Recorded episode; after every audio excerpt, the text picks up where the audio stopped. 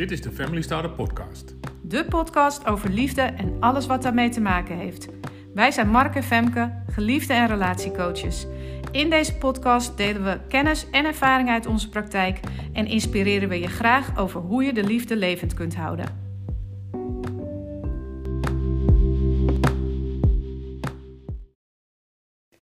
Welkom bij weer een nieuwe Family Starter podcast. Wat fijn dat je weer luistert. En eh, vandaag hebben we nou, toch wel een heel actueel onderwerp ook. Maar ook een onderwerp waar veel relaties, uh, merken wij, ook mee te maken hebben. En dat gaat uh, over verdeeldheid in je relatie. Ja, dus als je samen niet hetzelfde denkt over een bepaald onderwerp. Daar gaan we het over hebben. We zien dat natuurlijk, we, zien, we zien dat vaker. We hebben er zelf ook wel, nou regelmatig wel eens een onderwerp waar we anders tegenaan kijken. Mhm. Uh, en zeker nu in deze periode met de hele corona is dat natuurlijk een onderwerp wat al veel groter snel wordt. En waar uh, ook in relaties gewoon op een andere manier tegenaan kan kijken. Ja. En nu gaat het dan inderdaad specifiek even over corona. Maar er zijn natuurlijk vele onderwerpen waar binnen relaties verdeeldheid over kan zijn. En dat is de kinderen, het gebruik van schermpjestijd, um, hoe je je werk indeelt. Vrienden. Vrienden, ja. Hobby's. En, uh, Vrije tijdsbesteding, ja. ja. Dus, Legio voorbeelden. Ja, die wij zelf ook uh, nou, terugzien in onze relatie. Ja. En um, nou ja, we, we, nou, we willen eigenlijk in gesprek over dit onderwerp, omdat het uh, nou, regelmatig ook terugkeert bij ons in de praktijk. En nou, ik had er deze week ook een mooi gesprek over. Um, over ja, hoe zeg maar, corona verdeeldheid kan uh, veroorzaken in, in je relatie of in je gezin.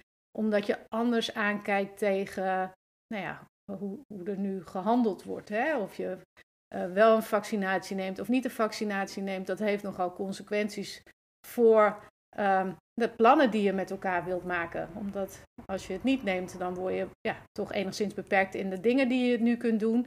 Eh, neem je het wel, dan heb je alle vrijheden. Maar ja, als je allebei er anders in staat, dan kun je niet meer alles samen doen, mogelijk. En um, nou ja, wij kunnen ons ook goed voorstellen dat dat wel bepaalde spanning met zich meebrengt, omdat je daarover in gesprek dan moet gaan. En hoe doe je dat dan? Hoe ga je op zo'n manier in gesprek dat je wel nog de verbinding met elkaar houdt, um, maar niet bezig bent om de ander te overtuigen van jouw gelijk? Nee, en dat is vaak wat we natuurlijk uh, doen, is dat je onbewust toch probeert de ander te overtuigen van hoe jij tegen de wereld aankijkt en hoe jij vindt dat de ander eigenlijk ook moet denken of uh, zijn. Ja, moet zijn. Ja. Uh, en dan gaat vaak daar het gesprek over. Ja. Nou ja, in, in, dit, in dit geval vond ik het wel een mooi voorbeeld, omdat het ging over op vakantie gaan. Um, wat dus niet mogelijk was voor een deel van, van het gezin, omdat die niet gevaccineerd waren. En um, ja, wat, wat, wat voor degene die wel gevaccineerd was heel belangrijk was, omdat die vakantie zoveel mooie uh, gevoelens opriep en zoveel verbondenheid bracht. En dat, dat kon nu niet en dat veroorzaakte toch wel enige spanning. Als er verdeeldheid is rond een onderwerp, dan merk je gewoon dat je al heel snel probeert de ander te overtuigen van je eigen gelijk. Mm -hmm. En op het moment dat je daarmee bezig bent, ben je ook niet meer in gesprek met elkaar. Nee. Dus je bent niet meer in verbinding, je luistert eigenlijk onvoldoende naar wat de ander te zeggen. Je bent al heel snel geneigd om vooral bezig te zijn met: oké, wat is mijn volgende zin, wat is mijn volgende mm. argument? Om dat gesprek daar naartoe te leiden waar ik dat wil hebben. Ja, ja en waarom doen we dat? Omdat op het moment dat we allebei hetzelfde denken, dan, dan is het weer oké. Dan zijn wij weer oké, dan is de verbinding weer oké en dan, ja, dan, dan voelt de wereld een stukje veiliger. Ja, en, ja, dan... en dat heb je zeker als je wat langer bij elkaar bent, weet je, dan ontstaat er ook een soort van symbiose. Dat je denkt van ja, maar hoe ik denk, zo denk jij ook. Dus en op het moment dat jij dan anders denkt, ja. of ineens een andere mening hebt, dan is er iets niet goed tussen nee. ons. Hè? Dan is het, hoe kan dat? Ja, nee, dat dit verrast mij en dit, dit is niet wat, wat, wat hoort, zeg mm maar. -hmm. Ja. ja, en dan? Nu erover praten. ja, dat is wat de meeste mensen ja, doen. Dan ja. gaan we gewoon weer verder. Ja, ja of, of ruzie maken. Ruzie maken, of, uh, en dan misschien ook weer over terug, op terugkomen. Of gewoon eventjes een time-out weglopen en het, en het er gewoon niet meer over hebben. Ja, en dat is natuurlijk best lastig, want die berg wordt eigenlijk steeds hoger. En ja, ja uiteindelijk gaat het dan niet per se om het onderwerp wel of niet vaccineren of uh, uh, wel of niet uh, schermpjestijd of wat dan ook. Daar gaat het uiteindelijk niet om. Het gaat er uiteindelijk om dat op het moment dat je verschillend denkt, je het gevoel hebt dat er geen verbinding is. En uiteindelijk gaat het dus altijd over die laag eronder. Niet over het onderwerp waar je denkt dat het over gaat, maar over wat daaronder zit. En het gevoel wat dat oproept. En de angst die dat met zich meebrengt. En... Ja, want het is de verbinding. En onder die verbinding zit ook het gezien worden voor hoe ik denk of hoe ik. Mhm. Want op het moment dat ik daar niet in gezien of gehoord word, mhm. ja, dan, dan is het voor mij al snel het gevoel mm -hmm. hè, van, joh, uh, ik doe er niet toe, of uh, mijn mening mag er niet zijn. En nou ja, de, al, al, dat soort gedachten heb je dan. Ja, en dan is het al snel van, joh, maar de ander houdt dus helemaal niet van me. Nee, precies. Of dat je eigenlijk zoiets hebt van, ja, maar jij zorgt er nu voor dat wij niet op vakantie kunnen. Terwijl uh, de ander kan natuurlijk net zo goed denken van, ja, maar doordat jij dat wel doet, um, ja, uh, zijn er weer andere dingen die, de, die er kunnen gebeuren. Doordat jij drie dagen in de week aan het sporten bent, werken wij niet aan onze relatie. Ja. Want je bent er nooit samen. Nee, dan zit ik in mijn eentje op de bank. Ja. En nu dacht ik iets, nu schoot iets door mij. Oh, ja, en wat, wat het dus dan is, is dat je dus eigenlijk zegt, ja, maar omdat jij zo bent of omdat jij zo doet, voel ik, me nu zo. Ja. Dus daarmee geef je ook eigenlijk de sleutel uit handen voor je eigen geluk. Want daarmee zeg je dus, ja, als jij maar verandert, dan voel ik me gelukkiger, dan voel ik me rustiger, dan heb ik meer ontspanning of heb ik meer controle. Ehm, en, en kan ik mijn leven leven. Terwijl, ja, dat is natuurlijk niet hoe de werkelijkheid in elkaar steekt. Tenminste, dat hebben wij gelukkig geleerd, dat dat niet een hele handige strategie is om te hebben. Nee. En dat, dat merken we nu zelf eigenlijk ook, omdat wij uh, nou ja, ook niet hetzelfde denken over bijvoorbeeld het gebruik van de QR-code. Dan komen we toch even op corona, ook al nou, hebben we niet zo heel veel behoefte om het daar nu specifiek over te hebben. Maar het is wel een actueel iets waarvan jij zoiets hebt van, nou ja, ik heb er niet zo heel veel moeite mee om, om uh, het herstelbewijs uh, te gebruiken als QR-code. Um, ja, terwijl ik daar toch ook nog weer anders tegenaan kijk. En dan is het natuurlijk heel makkelijk om te zeggen, ja, maar ik vind dat we dat allebei niet moeten doen, want daarmee geven we aan dat we het ermee eens zijn dat we in zo'n maatschappij leven. Um, en het fijne is dat ik dat wel mag uiten. Hè? Dat ik mag uiten van hoe ik daar tegenaan kijk. Dat dat mijn angst is. Dat dat zou gaan gebeuren. Dat we in zo'n maatschappij komen. Ehm, maar dat jij dat niet afwijst. Dat jij niet vindt van ja, maar belachelijk en stel je toch niet zo aan. En uh, dit is nu gewoon hoe het is. En uh, wees blij dat je dat herstelbewijs hebt. En nu kunnen we gewoon weer leuke dingen doen. Um, nee, jij accepteert dat ik ook voel van dat ik dat misschien niet zo wil gebruiken. En ik kan me ook heel goed voorstellen dat jij hem wel wilt gebruiken, omdat avontuur en vrijheid ook jouw kernwaarden zijn. En door dit te hebben kun je weer wat meer het avontuur opzoeken en wat meer vrijheid hebben. En dat begrijp ik ook heel goed. Dus we laten elkaar in, in ons waarde, zeg maar. En tegelijkertijd is het aan mij wat ik met dat gevoel doe van wel of niet het gebruik van die QR-code. En uh, hoe ik me voel als jij hem wel gebruikt. Dat is mijn verantwoordelijkheid. Dat is mijn taak. En daar hoef jij niet voor te zorgen. En dat het lastig soms is, ja, zeker. Dat is het echt wel. Ook een dilemma in jezelf. Voor mijzelf. Nou, ik denk dat dat het vooral is. Ja. En, en dat is. Um, ik denk een van de stappen die helpt om daarin te zetten, is dat je ook uh, in die zin mindful bezig bent met dat er dus een verschil is. Dat er mhm. verdeeldheid is. Je hebt zo'n mooi zinnetje, uh, agree to disagree. Ja. En we willen vaak die verdeeldheid weg hebben. Dus we, we willen mhm. vaak weer samen één, zelfde gedachten enzovoort. Ja, en dat is gewoon niet zo. Nee. Niet altijd. En soms misschien meer dan niet. Maar het is ook oké. Okay. Mhm. betekent niet dat jij niet van mij houdt. Of uh, dat we niet bij elkaar passen. Nee. We hebben gewoon een ander beeld van de, dezelfde werkelijkheid. Of in ieder geval onze eigen werkelijkheid van een bepaalde situatie. En daar gewoon mee te kunnen zijn. En ook met het gevoel wat dat, dat oproept. Ja, precies dat. Hè? Dus het, het, dilemma wat je zelf voelt, dat is belangrijk om dat gewoon bij je eh, te herkennen. En ook gewoon misschien wel dat je boos bent, geïrriteerd, gefrustreerd, dat je het niet begrijpt. Dat is ook oké. Ja. Maar dat betekent niet dat je volledig je hele liefde voor de ander in één keer uh, in het niets opgaat en dat het gewoon weg is. Nee. nee. Het is gewoon even iets waar je anders naar kijkt. Ja. En ik vind het wel mooi dat je zegt agree to disagree. Want ik ben altijd wel iemand geweest die conflicten uit de weg ging. Dus voor mij was het altijd belangrijk dat het wel oké was. Dat ik ook heel hard mijn best ging doen om te zorgen dat het weer oké werd. En dat zie je ook weer terug in de opvoeding natuurlijk. Dat heb ik bij die meiden ook. Weet je, dat ik wil dat het goed, dat het goed voelt. En nu weet ik ondertussen dat dat ook weer ergens vandaan komt. Dus dat dat ook weer iets is wat opgeslagen ligt vanuit mijn jeugd. En uh, wat dan geactiveerd wordt op zo'n moment. Dus er zitten weer zoveel lagen onder. En als je het daar met elkaar over kunt hebben, ja, dat is, dat is, dat is gewoon ja, goud voor je relatie, denk ik. Want daarmee kun je alles bespreekbaar maken. En dus ook overeenkomen, oké, we hoeven het niet met elkaar eens te worden, als we maar elkaar kunnen opzoeken in hoe het voor, voor de ander is. Ja, dus hoe je elkaar kan opzoeken in de anderse wereld. Ja. Dus dat je in die zin op bezoek bent bij de ander om eens van binnen te kijken, hé, wat speelt er nou allemaal rond dit onderwerp? En waarom maakt dat jij daar nou zo stellig in bent? Of mhm. wat maakt dat je daar veel makkelijker in bent dan ik denk? Ja. ja. Zonder daar een oordeel over te hebben. Ja, dat is natuurlijk nog best een uitdaging. Want op het moment dat de een iets vertelt, wordt er vaak ook weer wat getriggerd in de ander. Waardoor je vanuit daar weer gaat reageren. Dus ja, hoe je, hoe je daar het beste mee om kunt gaan, is natuurlijk gaan herkennen wanneer je getriggerd wordt. En dan even te bedenken, wat heb ik nu op dit moment nodig om weer even bij mezelf te kunnen komen. Om weer even die emotionele lading eraf te kunnen halen. Voor de een is dat drie keer diep inademen en dan ben je er weer. En voor de ander is dat ik moet even een blokje omlopen en dan kom ik daarna weer terug. Ja. ja. Maar dan is het nog lastig Tuurlijk. op het moment dat je geraakt wordt of dat iets je echt aan het hart gaat. Hè? Want dat, nou ja, wat jij zei, ik kan me dat heel goed voorstellen als je al jarenlang, uh, wijze van spreken, één keer per jaar op vakantie gaat met het hele gezin. En dat dat zo'n belangrijk onderdeel is geworden van je leven. Om weer even met z'n vieren samen weg te zijn en te genieten van buiten en eten en noem het allemaal maar op. En als mhm. dat dan niet doorgaat, ja, dan is dat een bittere pil. Ja.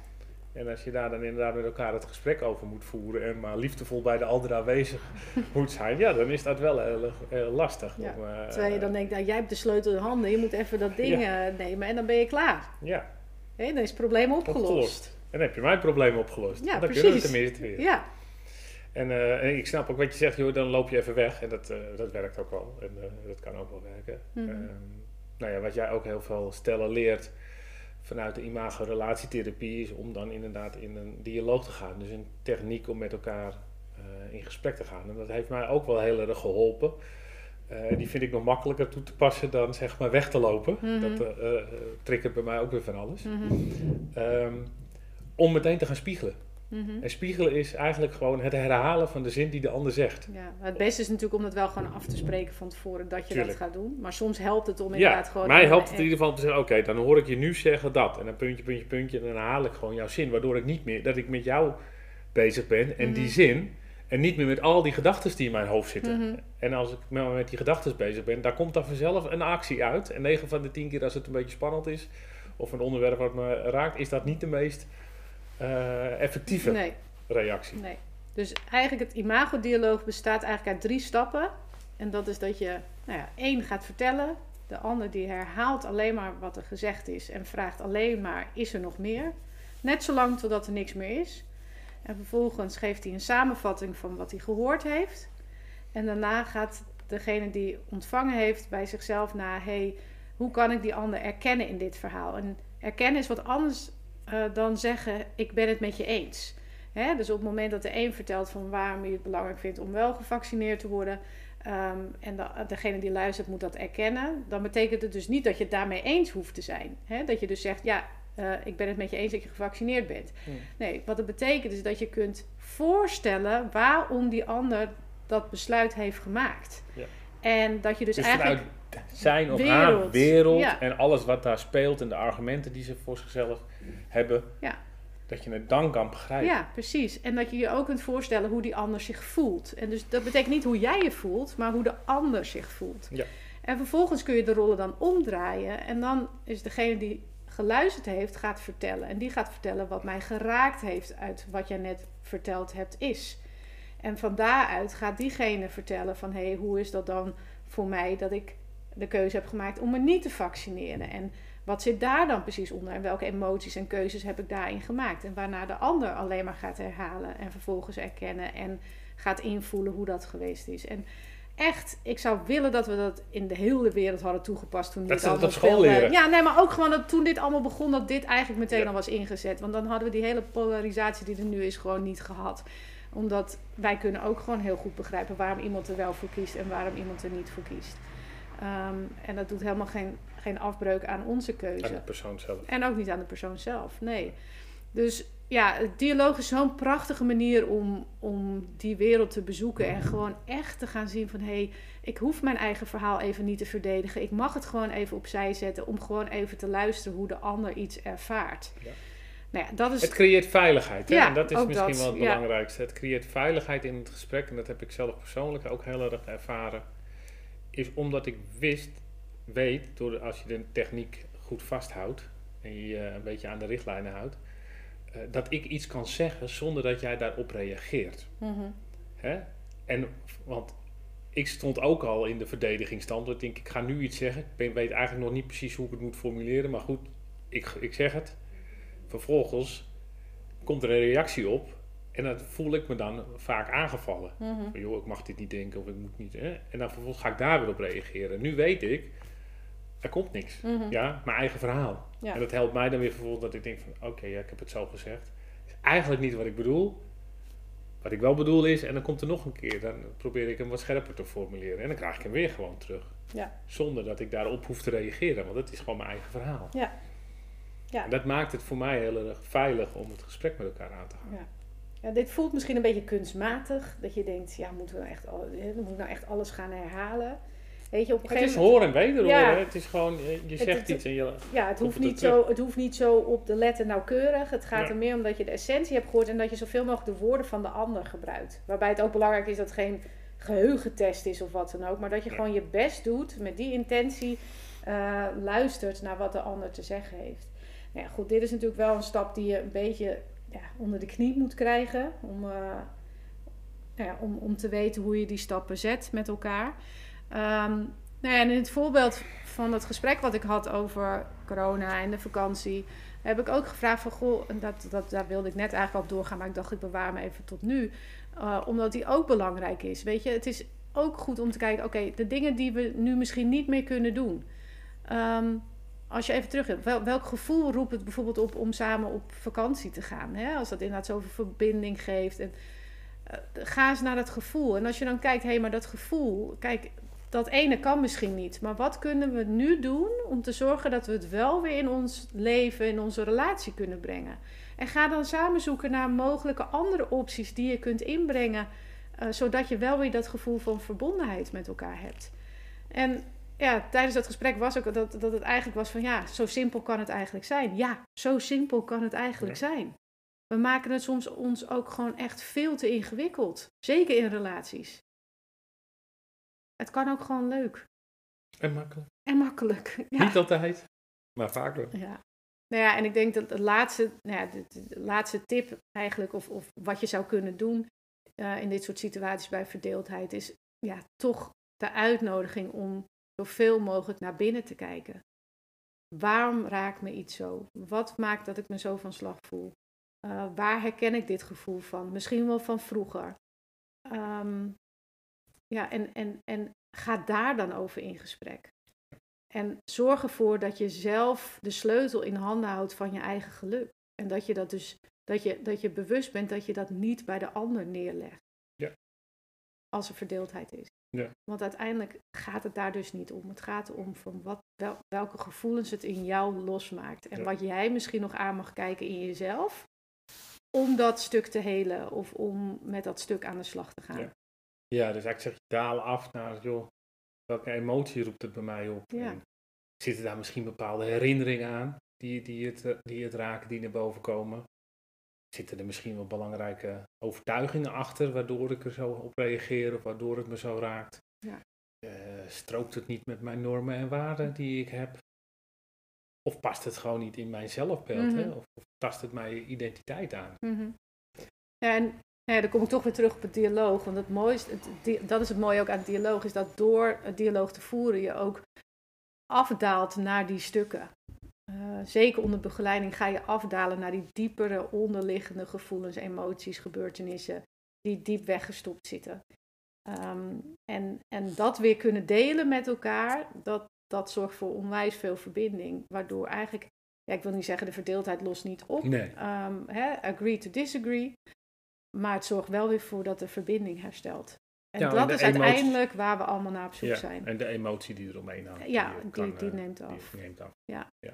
Dus we denken vaak dat we reageren in het nu. Hè? Mhm. Dus de reactie die ik geef op iets wat jij zegt, dat die vo- volledig in het nu is. Maar heel vaak is dat gewoon een reactie of een emotie vanuit het verleden. Ja. Er is iets in het nu wat speelt, wat eigenlijk iets triggert in het verleden. En dan reageer ik, nou ja, in mijn geval met 46 jaar eh, emotie, Ja. eh, komt er dan in één keer mee. Misschien, Nou. ja. Misschien wil jij nog even, jij kan het zo, ja, dat kan je altijd zo goed. Een beetje samenvatten wat, we wat we gezegd hebben. Wat is dat een complimentje? Ja, zeker. Oh, nou fijn. Dan heb Ja. ik die ook weer vandaag te pakken. Ja, dat waardeer ik Eh, namelijk eh, ontzettend. dat- Dankjewel. Dus ik hoor je zeggen dat wat jij ontzettend aan mij waardeert, is dat ik het zo mooi kan samenvatten. Ja, zeker. Lijkt wel een dialoog. Ja, ja en hoe, hoe, eh, nou, ik zal ook meteen Oh ja. een voorbeeldje. Hoe ik me daardoor voel, is dat ik heel trots op je ben. Ehm, maar ook dat het me een heel rustig gevoel geeft. Dat ik weet, ja, weet je, als ik met jou dit samen doe, ik ga nog wel eens van de hak op de tak, maar met jou erbij weet ik dat het gewoon uiteindelijk een soort gestructureerd geheel wordt. Oké. En dat geeft me heel veel rust. Dus het geeft jou rust en het gevoel dat ik het structureer. En dat kan je het even- Kan je het nog een keer herhalen? Want ik eh, vond het wel wat veel. Zeker, ik ga mijn best doen. Je hoeft het niet allemaal te onthouden. Hè?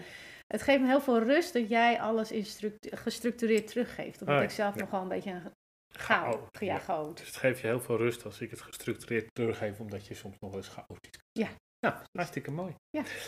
Dus, om dat even gestructureerd terug te geven. Mhm. Hè, we hebben het vandaag gehad over nou ja, verdeeldheid in je relatie, die zeker nu met corona misschien wel heftiger is dan eh, eh, ooit in ons leven is geweest in relaties. Omdat dit toch een onderwerp is wat eh, nou ja, best wel binnenkomt. Omdat het, er zitten gewoon heel veel beperkingen aan vast en Mhm. allerlei andere discussies in de wereld. Ehm, maar verdeeldheid kan er ook zijn over allerlei andere onderwerpen. Van sporten tot vrienden tot opvoeden van de kinderen.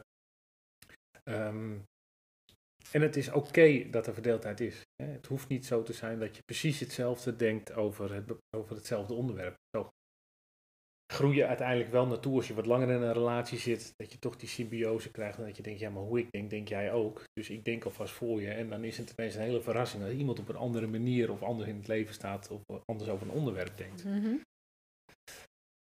Dus kijk daar ook, eh, nou ja, mindful naar. Hè? Dus Mhm. eh, agree to disagree.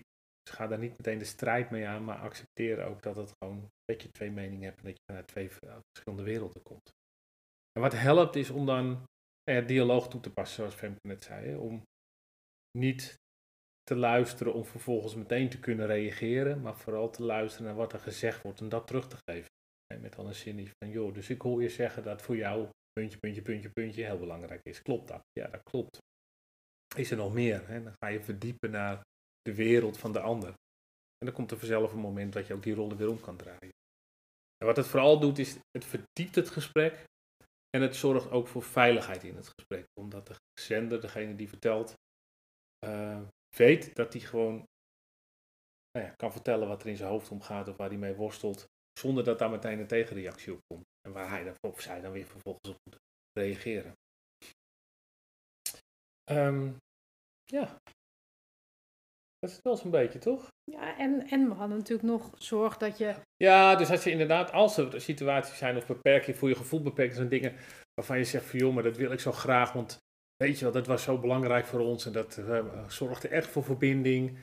Ehm, en als dat op dit moment niet meer kan, eh, zoals je de afgelopen weken eh, natuurlijk niet meer uit eten kon, ehm, kijk dan van joh, hoe kan ik die verbinding, hoe zou ik die ook dichter bij huis kunnen organiseren? Zijn er andere manieren die verbinding die wordt niet veroorzaakt door het restaurant. Nee. Zou deels kunnen, omdat het een goede sfeer is. Mm. Kan allemaal bijdragen aan, Mhm. maar het is niet de reden van de verbinding. Nee, het is ook niet de enige manier waarop je dat gevoel Nee. kunt hebben Dus hoe kan je dat dan weer toch weer dichter bij huis halen en het eh, Ja. toch voelen wat je, wat je mist. En als laatste, kijk bij jezelf naar binnen. Ja, dat is misschien wel de belangrijkste tip. Ja. Hè? Dus leg niet de verantwoordelijkheid bij de ander neer. Nee. Van, jij bent verantwoordelijk voor mijn geluk, of als jij dit nu doet, dan kunnen we weer dit doen. Maar kijk ook bij jezelf, vooral eerst naar binnen, joh, wat speelt er bij mij? Hè? Dus welke emotie, welke herinneringen komen er misschien naar boven? Welke overtuigingen zitten me op dat misschien wel dwars? Eh, of conflicteert het met mijn normen, normen en waarden? Of wordt het misschien wel helemaal in mijn identiteit of in mijn zelfbeeld geraakt? Dus, Beetje lange samenvatting.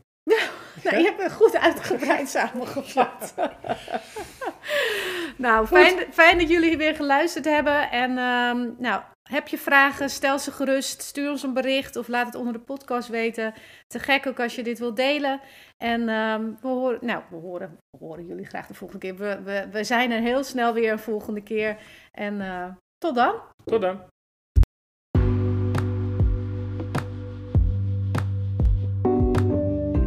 Ja, mocht je deze aflevering waardevol gevonden hebben, deel het dan vooral. Hè. Help ons om uh, meer mensen te bereiken. Deel deze podcast, uh, deel het in je stories, deel het onder je vrienden. En ja, kom vooral terug voor de volgende aflevering.